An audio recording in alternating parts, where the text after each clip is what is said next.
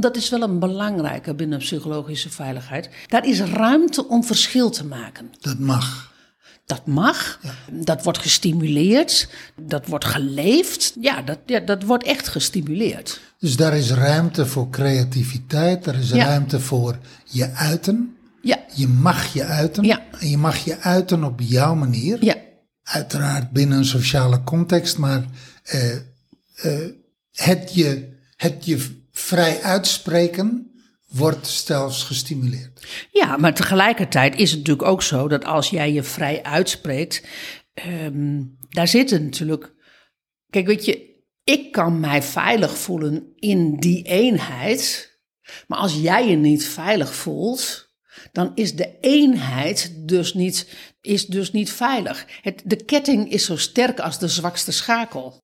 Wij zijn Briant en Jaldara. We zijn therapeutische coaches en we zijn de oudste digitale nomaden van Nederland. Wij zijn de holding space voor jouw empowerment en emancipatie. Als je met ons werkt, krijg je altijd een nieuwe innerlijke kracht en vrijheid tot je beschikking waar je tot nu toe niet bij kon komen. Vrijheid van binnenuit, je obstakels voorbij. Hoe is het met je? Goed.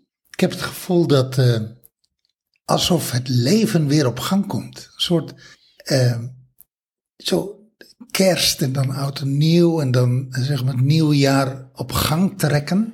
Nou, ik had gedacht, omdat wij hier in Argentinië zitten en het is zomer, heb ik niet dat, dat wintergevoel, heb ik niet dat, dat op gang trekgevoel. En toch was het er. Toch was er zo die natuurlijke afronding, zo na kerst, zo van die winterslaap en dan begin januari ook nog een beetje winterslaap. En eh, ja, mijn energie is terug, mijn eh, inspiratie is terug en het, het jaar, nou ja, het jaar is begonnen. Het jaar is begonnen. eh, ik zit vol met ideeën, ik zit vol met plannen, ik zit vol met goede energie. Ontzettend blij met het podcastcafé. Ja, Dat is eh, van start gegaan. Groot succes. Ehm, ik heb het gevoel dat dit een leuk jaar wordt. Er gaat een hoop gebeuren.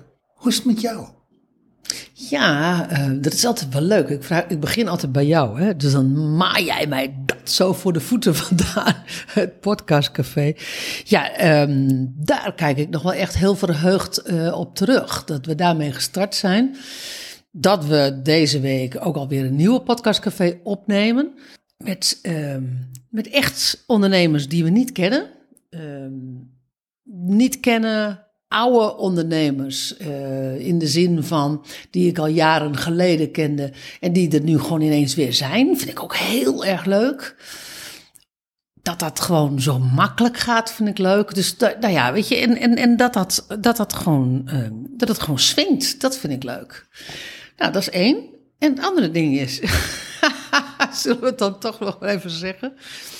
Jaldara is naar de kapper geweest. Ze ging erin als vrouw en ze kwam eruit als, zeg maar, Jongetje. als jongetje. Ik zal jullie even een eh, geheimpje vertellen. Als digitale nomade zijn er twee dingen in mijn leven die het allerergst eh, zijn. En, eh, of het, meest ingewikkeld zijn. En dat is eh, BH's kopen in een ander land. Eh, get the picture. Als je, ik had een keer een BH nodig in Thailand. dan ga je, naar, nou, ga je naar een afdeling in een mall voor BH's. En dan blijkt dat al die BH's hebben gewoon zo'n padding erin. Want de Thaise dames houden er kennelijk van dat er wat extra's geshowd worden. Nou, deze vrouw houdt... BH's voor Thaise tietjes. Precies, voor Thaise tietjes. Deze vrouw houdt daar helemaal niet van. We hebben drieënhalf jaar in Bali gewoond. Ik eh, had eh, in het begin geen BH's nodig, maar ik heb op een gegeven moment heb ik eindeloos gezocht naar lingeriezaken. Totdat ik op een gegeven moment in een kledingzaak een keer zei van... hey, als jij zelf een BH moet kopen, waar koop je die dan? Nou nee, dan ga je naar Den Passar. Dat was een uur daarvan af. Eh, want daar heb je gewoon een mol met allemaal BH's. Dat was ook zo. Maar goed, ehm, dus dat is één ding. Ik, kan- ik kan je er eindeloos veel verhalen van, van vertellen. India, je, lach- je, het is, zijn ook echt lachwekkende, ehm, lachwekkende verhalen. Het andere ding, dus dat is één, is BH. Twee is de kapper. Kan je je nog herinneren, Brian, dat ik naar de kapper ging in Griekenland, op Kreta, waar we begonnen? Ik, ik ga echt even dit, deze verhalen even vertellen, want ze zijn namelijk echt te geestig. We begonnen dus eh, op Kreta en, eh, nou, ik, ik, ik- oh ja, ik ging eerst, ik ging altijd naar Rob Peetoom in Amsterdam en ik stelde de vraag aan mijn kapper van, waar ga ik nou naar de kapper als ik in het buitenland ben? En hij gaf het, eh, eh, het verhelderende antwoord, niets. Ik zei, maar lieverd, dat gaat niet. Als je gewoon in het buitenland woont, je moet op een gegeven moment naar de kapper. Nou, uiteindelijk, dus op Kreta naar de kapper. Via, via, zei een vrouw van, oh, kom gezellig met mij mee. Want eh, Maria eh, knipt, eh, knipt het hele dorp en do- doet het leuk. En kijk maar naar mijn haar.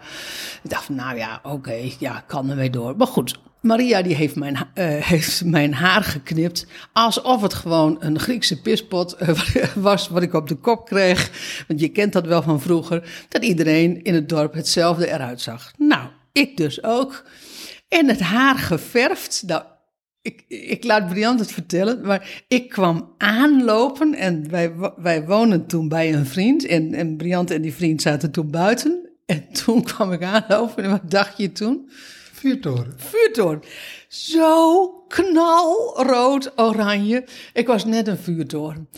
Nou, ehm, dat, was, dat was. En zo heb ik ze in, in, in allerlei vormen en maten. Weet je, in Thailand werd ik gewoon door, door, door zes kappers werd ik afgewezen. omdat ze niks met dat dunne Europese haar kunnen. En ik heb heel dun haar. En.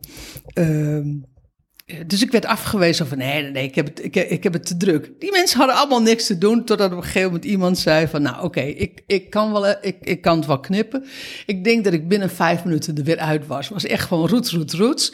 En in Thailand heb je natuurlijk allerlei verschillende tomboys, ladyboys. Nou, en dus ik had ook daar had ik een kapsel van aangemeten gekregen. Zo van nou, dit is het type. En eh, met dat type kreeg ik eh, dus een kapsel. Maar goed, nu zitten we in Buenos Aires. En ik zeg tegen Brian, ik wil naar de kapper. Nou, eh, kort knip, het moet korter. Het was ook echt veel te lang. En eh, nou, hij was lekker bezig, lekker aandachtig. En ik eh, dacht, nou, het gaat lekker goed. En toen zei hij, ik spreek geen Spaans. Hij zei, ehm eh, eh, todo mas. Nee, Pokémon. Poco, eh, zo, zo was Ik het. was er niet bij. Nee, nee, precies. Poco mas. En ik, wist, ehm, en ik wist zeker dat hij iets bedoelde met zo van... nog een beetje, maar, maar, maar het is, is het helemaal goed? En ik zei ja. En toen... En hij, hij, hij eh, spritste mijn haar gewoon nat. En hij ging toch met die schaar er doorheen... dat ik halverwege zoiets had van... Oh, oh shit, hier blijft echt helemaal niets van over. En het enige wat ik dacht was van...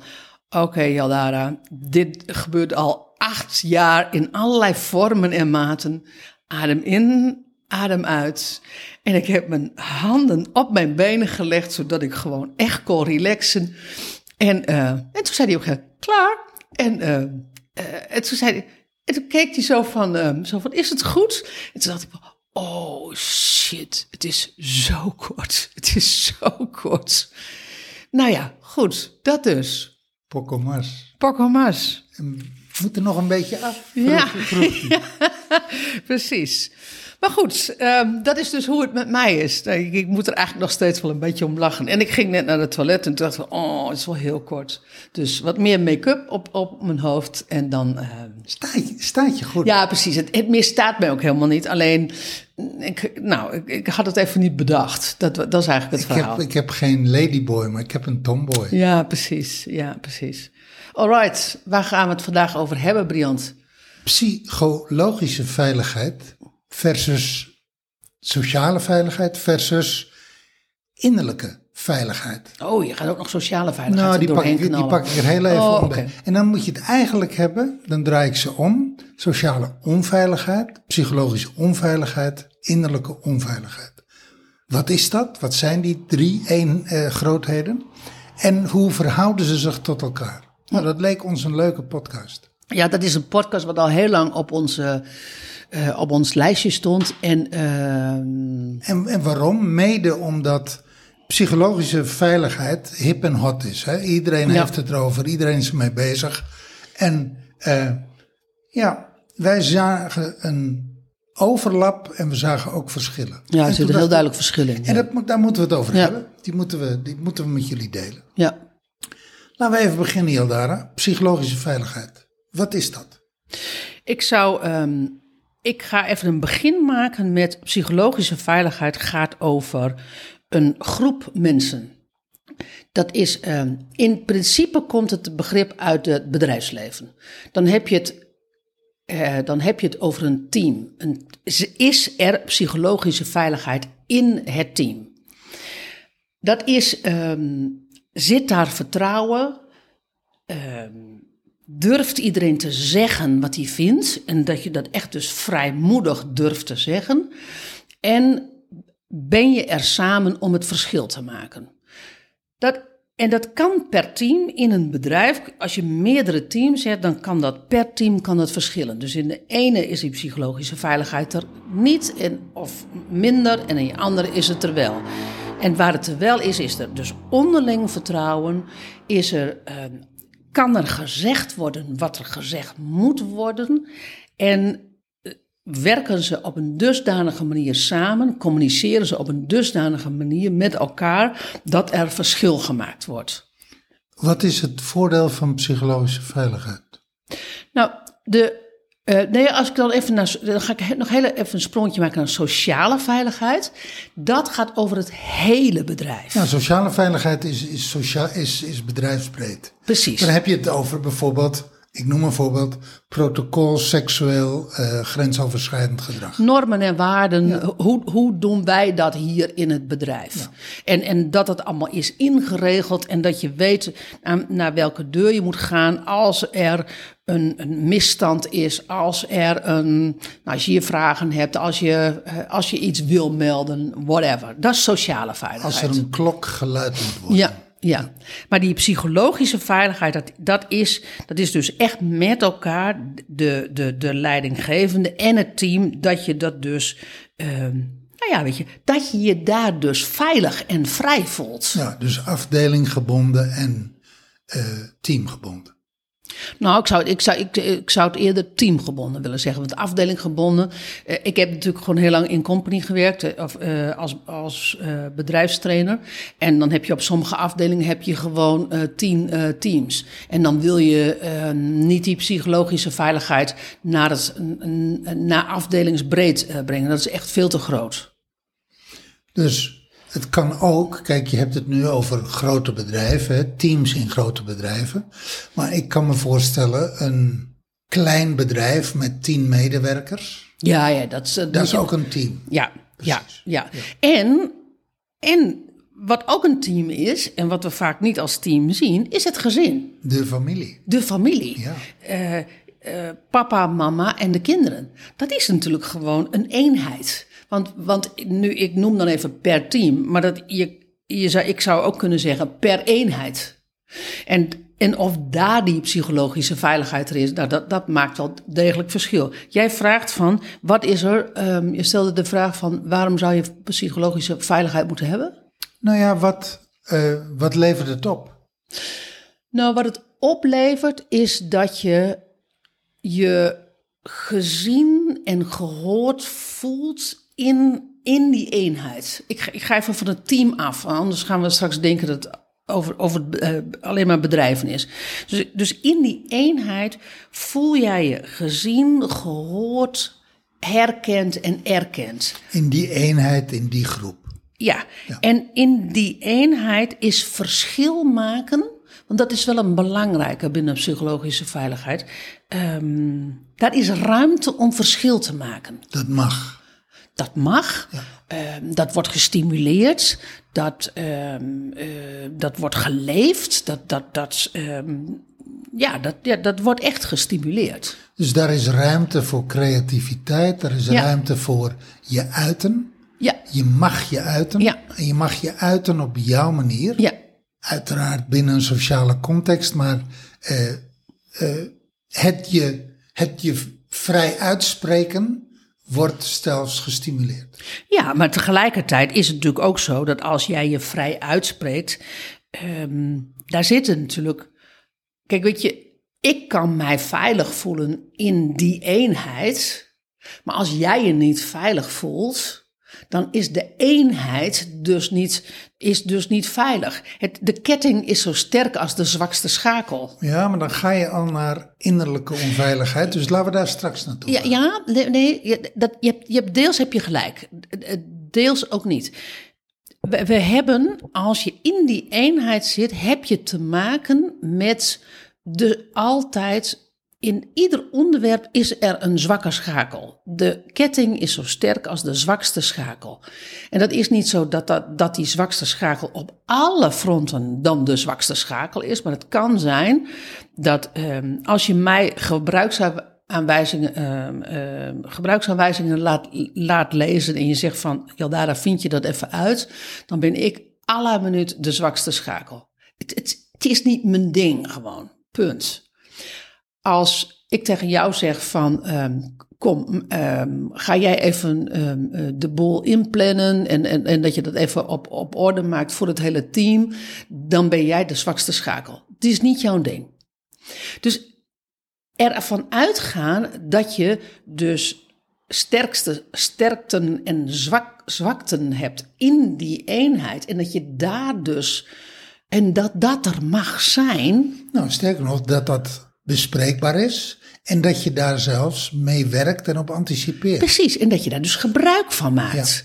Dus niet dat je dat zit te verbergen voor elkaar, maar dat je dat, dat open en bloot op tafel ligt. Nou, voor dat moet ik dus niet naar Henk, of voor dat moet ik niet naar Briant, of voor dat moet ik niet naar Jaldara, want dan komt het niet goed. Ik moet bij Jantien zijn. Precies. Ik moet bij Paula zijn, ik moet bij Kees zijn. En dat dan niet achteraf in een beoordelingsgesprek de manager zegt van ja, hmm, de afgelopen paar maanden was jij toch echt wel de zwakste schakel in dat en dat en dat stuk. Dus ik weet niet of jij misschien wel die promotie verdient. Kortom, in een omgeving waar psychologische veiligheid is, loop je niet het risico dat je kop eraf wordt gehakt als je open bent, als je eerlijk bent, als je je kwetsbaar opstelt, als je eh, vragen stelt, als je toegeeft dat je iets niet kunt. In een team waar psychologische veiligheid is, kan dat en mag dat en wordt dat ook gestimuleerd. Wat niet hetzelfde is, dat je dan 100% kan zeggen van uh, dat kan ik niet en dat wil ik niet. Ik maak me even heel erg belachelijk. Want you're in this together. Nou ja, je moet natuurlijk output leveren. Precies. Ja. Nou, dus, dus dat, is, dat is psychologische veiligheid. Um, dan hebben we het ook al een beetje, dan raakt het ook al een beetje die psychologische onveiligheid. Dat als het er niet is, de afrekencultuur. In heel veel bedrijven en in heel veel teams. Eh, ook heel veel teams. Dus psychologische veiligheid is eigenlijk uh, een nieuwe manier van zijn met een team, in een team, die nog geen, wat nog geen gemeengoed is. Nou, ja, in heel veel bedrijven ja. uh, is daar geen aandacht voor, ligt daar geen accent op. En is er ook geen bewustzijn op en is er geen kennis van? Ja, ja ik, ik begrijp heel goed dat je zegt van het is een, een nieuwe manier. Ik, um, ik, ik krijg daar een beetje jeuk van.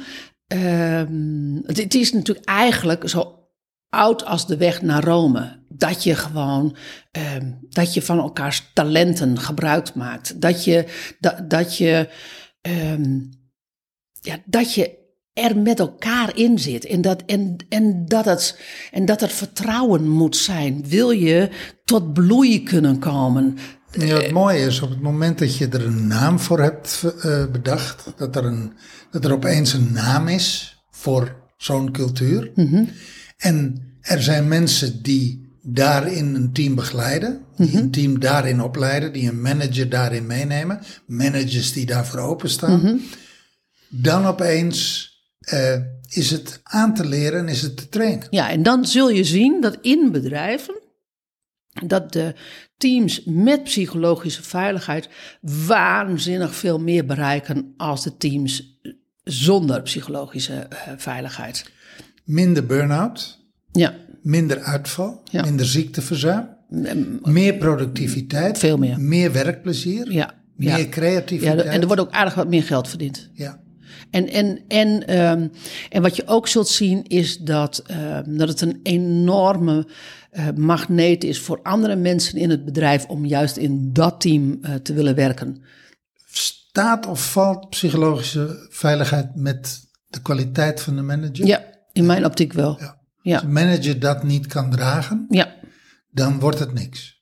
Nou ja, wat je ziet is, die, die vooroordelen over eh, psychologische ehm, veiligheid, is dat het eigenlijk in de huilhoek zit. Ehm, ik ben heel lang eh, business trainer geweest, ehm efficiency trainer, maar een efficiency trainer eh, die ook toen ook al werkte met de onderstroom. En ehm, ik had één klant die eh, zei van, eh, ja, ja, Jaldara, jouw training zit in de huilhoek. Want mensen moeten bij jou altijd huilen. en het was op een gegeven moment was dat bekend geworden. Dat, eh, en niet omdat ze van mij moeten huilen. Maar ja, weet je, ik, ik, ik coach je op die onderstroom. Ja, en dan, dan raakt dat je dus. En, ehm, en dat zie je eigenlijk bij die psychologische veiligheid ook wel. Eh, soft, eh, in, het, zit in de huilhoek. Het is hier geen eh, sociale werkplaatsen waar, waar- waar, waarin, ik, waarin we voortdurend maar met elkaar bezig zijn en met vertrouwen. Weet je, kom op. Je hebt gewoon een job description en je weet gewoon wat je moet doen. En doe gewoon wat je, wat je, wat je moet doen en, en zorg dat je het op tijd eh, levert. En zodat er gewoon geld ge- verdiend kan worden. Dus daar zit een de, die kracht van vertrouwen en de kracht van je talenten mogen benutten en de kracht van ehm, gehoord en gezien willen worden, de kracht van verschil maken, van, ehm, van zeggen, durven zeggen wat er te zeggen is, die wordt, die wordt tot, op de, eh, tot op vandaag nog altijd onderschat. Als ik er naar luister, zeg ik, eigenlijk is dit de toekomst. Als Ja. je kijkt naar de nieuwe generatie werknemers, Ja, ja, klopt. die geboeid willen worden, Ja, weet je, die bind je niet meer met een goed salaris en een ruk eh, werkklimaat. Ja. Die, die gaan weg, die gaan door. Ja, ja, die, die boeien en die bind je alleen nog maar als er verbinding is. Ja. Als ze verbinding voelen. ja, En in dat kader is psychologische veiligheid is enorm verbindend. ja. ja. Dus- en die willen ook, die willen ook autonomie. Ja. En, en, en dat, dat zit ook in die psychologische veiligheid. Want als dat er is, dan mag je autonoom zijn. Want, want eh, mag je zelf autonoom zijn. Oké, dan hebben we dit redelijk beschreven. Hè? Mhm. Wat is psychologische veiligheid? Voor een deel, als ik er naar luister, dan zeg ik dat is toch extern gestuurd. Ja. Dat zijn eigenlijk, eh, eigenlijk zijn het, eh, is het de sfeer, maar ook niet alleen de sfeer, is het ook de, de openheid, de bereidheid, de kracht van de lei, het leiderschap van de manager. Ja. Is het een leider of Ja. is het een bully die zegt, eh, die, die, zo'n zo, afknijpende bully, zeg maar het oude model. Ja, het is een beetje zwart-wit, maar in dat, in dat grijze gebied heb je heel erg veel managers die, uit, die ehm, niet hun mensen weten te leiden. Ja, dus dit is volgens mij, eh, als je erin mee kan als manager, heb je ook meteen een mooi leiderschapsmodel te pakken. Ja, maar ik wil nog één kanttekening maken. De bedrijven waarin ehm, er met name winst gemaakt moet worden voor de aandeelhouder, daar is dit een hele vette klus voor. Want die, die worden top-down, worden die gewoon eh, alleen maar op eh, een resultaat gestuurd. En ehm, die managers, die, daar zitten echt goede, de, de, de echt wel goede managers op een team. Die worden soms echt gecrushed door bovenaf, omdat die druk van de aandeelhouders er zo enorm is. Ja, kortom, het is een model die niet in alle takken van sport op dit moment, zoals de wereld zoals we dat hebben ingericht, is niet van toepassing. Nou, dat is niet waar. En er wordt geen keuze voor, voor gemaakt. Ik, ik begrijp wel wat je zegt, Nou ja, maar dat kijk, is gewoon kijk, simpelweg een keuze. Ja, dat, precies. Nou ja, maar wat ik bedoel is, is zo'n cultuur. Kijk, je zegt het al, het is top-down. Dus dan kun je in jouw team, in jouw hè, groepje, kun je het wel sociale, psychologische veiligheid creëren. Maar als alles buiten jou onveilig is, Ja. Dan ga je dat toch niet redden. Nee, nee, precies. Dus dan Dus ga dat, dat, moet, dat klopt. moet dan toch bovenin beginnen. Wa- Want, want ook die manager zit weer in een managementteam. Ja, en, precies. en, en, en als daar geen psychologische, eh, psychologische veiligheid is. En ook daarboven zit weer een team. Weet je, dat, dat, is echt een, dat is echt een stapeleffect. En ik wil hem wel noemen, want het is. ehm, ehm, maar goed. Wij, wij podcasten natuurlijk voor ondernemers. En de, de meeste ondernemers voor wie wij podcasten hebben niet zo'n uitgebreid eh, bedrijfsstructuur. Ehm, Nee, maar ik denk het mooie is. We hebben het nu natuurlijk over, over corporate. Maar ehm, iedere ondernemer die een bepaald succeslevel haalt, die krijgt te maken met teamleden. ja, En klopt. of dat nou mensen zijn die je extern inhuurt, of of dat een eh, team is wat op jouw payroll staat, dat maakt eigenlijk niet uit. Nee, maakt niet je, uit. hebt, je werkt samen met een x aantal mensen. Ja, ja. En in die samenwerking eh, heb je ook te maken met aspecten van psychologische veiligheid. Ja, ja klopt. Door naar innerlijke veiligheid, innerlijke onveiligheid. Hoe verhoudt zich dat tot psychologische veiligheid? Laten we eerst, wat mij betreft, spreken over de overlap. Als ik in een team zit waar geen psychologische veiligheid is, en ik heb in menig team gezeten waarin dat niet het geval was. Heb je wel eens in een team gezeten waar, waar, er, waar er wel eh, psychologische veiligheid was? Ja, in dit team. Te- Jou en mij. Ja, in dit team. Eh, Maar daar, en daarbuiten? Mm, nee. Oh ja. Wel, ik wel. Wel, laat ik het zeggen, wel eh, hechte teams. Mhm. waar, waar heel veel kon, Mhm. maar waar ook heel veel niet kon. Maar ik heb ook in hele onveilige teams gezeten. Waar het echt, eh, nou ja, waar ik heel erg in aanraking kwam met mijn eigen innerlijke onveiligheid. En, dat, en dan hebben we eigenlijk de raaklijn en de scheidslijn. Als ik mij, als ik in een team zit waar geen psychologische veiligheid is, dan zal mijn innerlijke veiligheid, of mijn innerlijke onveiligheid, worden aangewakkerd. Ja. Met name mijn innerlijke veiligheid zal weinig aan bod komen. En mijn innerlijke onveiligheid zal regelmatig, zo niet dagelijks, zo niet meerdere keren per dag, getriggerd worden en aangeraakt worden. Dus als ik in een team zit waar geen psychologische veiligheid is, heb ik meer innerlijke onveiligheid. Versus een team waar wel psychologische veiligheid is, daar kan ik al veel van mijn eigen innerlijke onveiligheid kwijtraken. Want dingen zijn bespreekbaar, dingen zijn open. Ik mag fouten maken, ik mag falen, ik mag opnieuw beginnen. Ik mag In de kern word je gehoord en gezien. ja, ik, ik mag zeggen dat ik het niet mee eens ben. Ik mag zeggen wat ik dan wel wil, wat ik niet wil.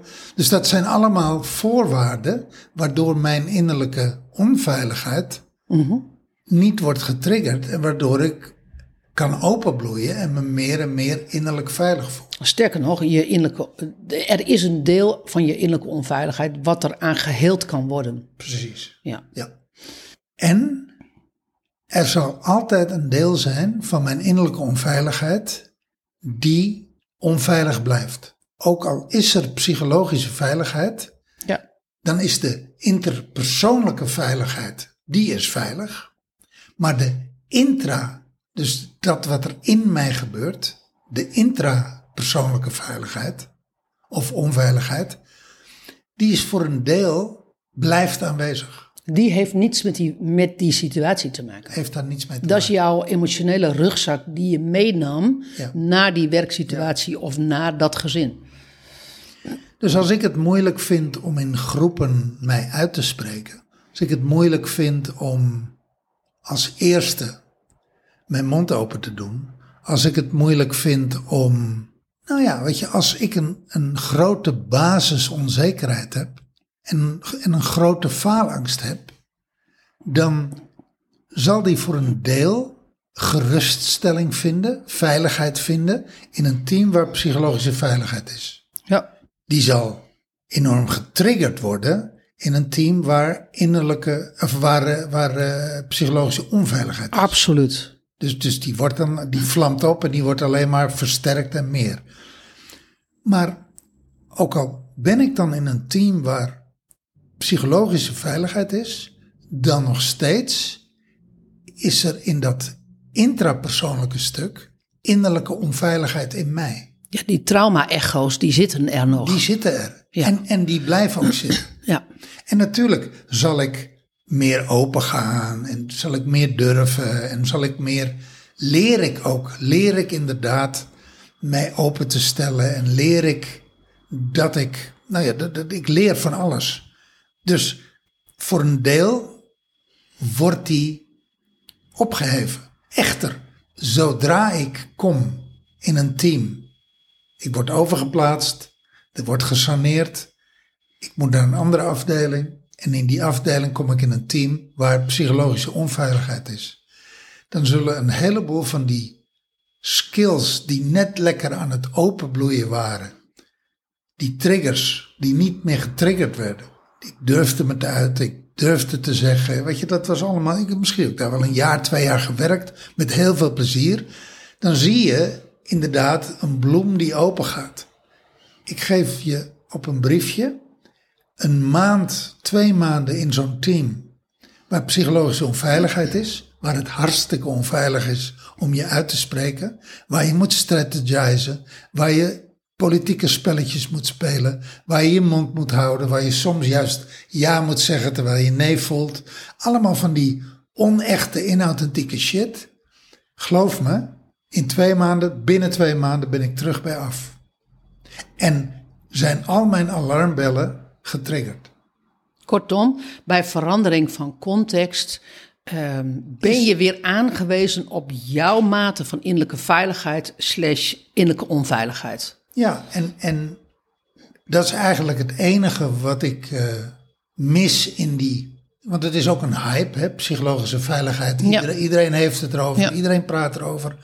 Wat ik zeg maar mis als laag in die, ja. in die, in die hype. Uiteindelijk is de echte winst pas te behalen als ik persoonlijk die reis maak, die transitie maak van emotionele, innerlijke onveiligheid naar emotie in, emotionele innerlijke veiligheid. Ja, ja, maar dat is natuurlijk waar, waar geen bedrijf op inzet. En uh, want dat is ook een. Uh, dan, dan zie je vaak dat bedrijven zeggen van nou, we zijn geen um, sociale werkplaats, uh, dat we dat gewoon voor iedereen doen. En, en wat want als je dan toch al in die softe hoek zit met psychologische veiligheid, nou, met innerlijke veiligheid en innerlijke onveiligheid, dan, uh, dan is dat echt maal, maal tien. Daar, ja, daar wordt gewoon simpelweg niet op ingezet. Nou, daar. daar en, dus, en daar is ook geen kennis van. Daar is geen kennis van. Daar, is, daar is een bedrijf niet op ingericht. Uh, maar ja, voor een deel vind ik ook dat een bedrijf daar niet voor is. Het is hoe we ja. dat geregeld hebben op dit moment in de wereld, is dat je dat op een persoonlijk niveau in je privé. Ja, nou, daar, zit, daar zit ook, daar zit ook um, eigen verantwoordelijkheid in. Ik, ik, wil heel even doorgaan op die veranderende context. Hè. Wij zien het bij um, klanten van ons. En wij, wij zien het al jaren. Dat, dat um, je hebt. En ik ga hem even wat zwart-wit neerzetten om het even duidelijk te maken. Je hebt een beroerde jeugd gehad. Hm echt gewoon dat je zegt van, ik heb echt wel een emotioneel rugzakje in dat, in dat stuk. Je gaat trouwen, je neemt dat emotionele rugzakje neem je mee. Um, we hebben daar ooit een keer een podcast over gemaakt. Uh, dat, dat uh, ja, dat zeg je natuurlijk niet op het moment dat je, uh, dat je gaat trouwen. Vaak weet je er ook helemaal niks van. Maar ja, hij, hij is wel, je neemt hem wel mee. Oh, je, weet, je weet er wel wat van. Je, je weet ook dat je hem hebt. Alleen, Alleen hij is verkleefd met jouw rug. Precies. En, en tegelijkertijd heb je een geweldige partner gevonden die gewoon echt het opposite doet van het thuisfront, van, van het gezin van herkomst. Met andere woorden, daar waar zeg maar het gezin van herkomst eh, niet ge- gepraat werd, daar voelde je je niet gezien, niet gehoord, voel je je juist bij je partner, voel je je heel erg gehoord heel erg gezien. Jullie praten ook lekker, weet je, in de zin van, nou je hebt zoiets van, wauw, ik kom gewoon echt tot bloei. Nou, Kortom, he- gewoon helemaal happy de peppy. Dan komen er kinderen. En dan eh, vervolgens, die, nou, die kinderen neem je mee in, de, in, in jullie gezinscultuur. Jullie maken, zeg maar, als je dat even nu naar die psychologische veiligheid eh, brengt. In de, jouw gezin van herkomst was helemaal geen psychologische veiligheid. Maar je hebt je voorgenomen dat in, het, in, in jouw huidige gezin, gezinsconstellatie, wil je wel die psychologische veiligheid aanbrengen. Dat lukt jullie ook met z'n tweetjes. En dan verandert er iets in de context. Want wat gebeurt er? Dan worden jouw kinderen ineens dusdanig oud dat het puberkinderen worden. En pubers, die hebben ja, On- onberekenbaar volk. onberekenbaar volk. Die schieten alle kanten op. Die, die com- communiceren. eh, met- met- Kunnen alle kanten op schieten. kunnen alle kanten opschieten. Ze kunnen, kunnen de meest rare dingen zeggen. En er komt een automatische groef in jou, wordt er wakker geschud. Ehm, en je komt ineens in een oud, oud gedrag. Je ziet ineens, je zegt iets tegen je kind. En je ziet ineens dat je precies hetzelfde doet als jouw vader of als jouw moeder. Je ziet het ineens. En je denkt, shit, dit, dat ik dit nu doe. Maar inmiddels ben je zo, ben je zo getriggerd dat die, dat die clusterbom die in jou zit, die in, die in dat emotionele rugzakje van jou zit, dat die, die is gewoon, ik zou bijna zeggen, is afgegaan. En dan moet je dus alsnog met jouw innerlijke onveiligheid aan de slag. Nou ja, Dan kan je het als De- gezin de- nog net zo psychologisch veilig hebben, maar dan word je ineens teruggeworpen naar jezelf. ik moet denken aan. eh, jij kijkt wel eens een programma met verschillende gezinnen. En volgens mij heet het Steenarm Rijk, weet ik veel. Dat, dat ene Surinaamse gezin. Met Oh nee, die nee, dat is een heel ander programma. Een, huis vol. Geweldig. Nou ja, als ik het heb Ja. over psychologische veiligheid. Ja, ja. Die hebben puberkinderen. Ja. Die hebben hele jonge kinderen en die hebben puberkinderen. Die lukt het dus. Die hebben de flexibiliteit. Die hebben het adaptievermogen. Nou ja, die hebben vertrouwen, daar mogen ze zeggen wat ze te zeggen hebben. Hebben wel respectvol te zijn. In die zin, je hebt rekening met elkaar te houden, maar je mag zeggen wat je te zeggen hebt. En ja, dat wordt, maar dat wordt aangebracht. Hè? Dat wordt gewoon. wordt voorgeleefd. Ja, wordt voorgeleefd. En ze maken werkelijk met elkaar verschil. Maar als ik dan kijk hoe de puberskinderen daarin vallen. Ja. dan verschuift er niks in de constellatie. Dat blijft psychologisch veilig. Ja, maar dat komt, wat je ziet is dat papa niet getriggerd is in zijn innerlijke onveiligheid en mama is niet getriggerd in haar innerlijke onveiligheid. En dan ga ik natuurlijk niet zeggen, want ik ken die mensen niet persoonlijk, dat dat nooit zo is, maar niet op een dusdanige manier dat ze, dat ze in dat spoor blijven, blijven hangen. En, ehm, want zij kunnen die kinderen natuurlijk af en toe ook gewoon achter het behang Nou ja, plakken. maar hè? dat zien we natuurlijk heel veel. Dat ouders met puberkinderen door die pubers waanzinnig getriggerd worden. En inderdaad in hele oude stukken komen. In hele oude innerlijke onveiligheid komen. Nou ja, wat ik er maar mee wil zeggen, je kan, je kan dus heel veel psychologische veiligheid in jouw gezin kan je hebben, kan je hebben aangebracht. En er kan ineens in de context iets wijzigen en, en you name it, een overlijden, een ziekte, puberkinderen, weet je, ehm, een kind wat, wat niet goed kan leren, weet je, waar, schoolproblemen zijn, weet je, whatever, wat het dan ook maar is. En misschien wel ineens ontslag uh, van, van, van, uh, van de hoofdkostwinner, waardoor er uh, druk komt op de financiën. Dan, dan komt er dus druk op die psychologische veiligheid en dan zie je ineens dan tapt hij in op jouw innerlijke onveiligheid. Op, op reeds bestaande innerlijke onveiligheid. Ja, ja. En dan kan je het enige wat je dan kan doen, is ehm, die transitie te maken, die actieve transitie van innerlijke onveiligheid naar innerlijke veiligheid. Daar heb je echt hulp bij nodig.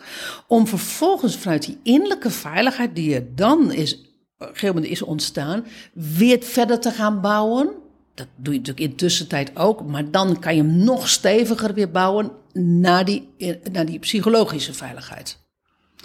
7 februari starten we een nieuwe groep, level 1, die I Owe My Greatness Series. Ruimte voor vier ondernemers. Je kunt meedoen, er is nog plek. Want heb je dit nou gehoord en denk je, hey, weet je, die psychologische veiligheid, dat zit wel goed. Maar die persoonlijke innerlijke onveiligheid, daar heb ik echt winst te halen. Daar heb ik echt wat op te ruimen. Daar is voor mij nog wat te doen. Doe mee. Je bent van harte welkom. Neem contact met ons op. Ben je ondernemer en wil je met ons werken? Mail ons of DM ons op Insta. Laten we in gesprek gaan en samen onderzoeken wat de mogelijkheden voor je zijn.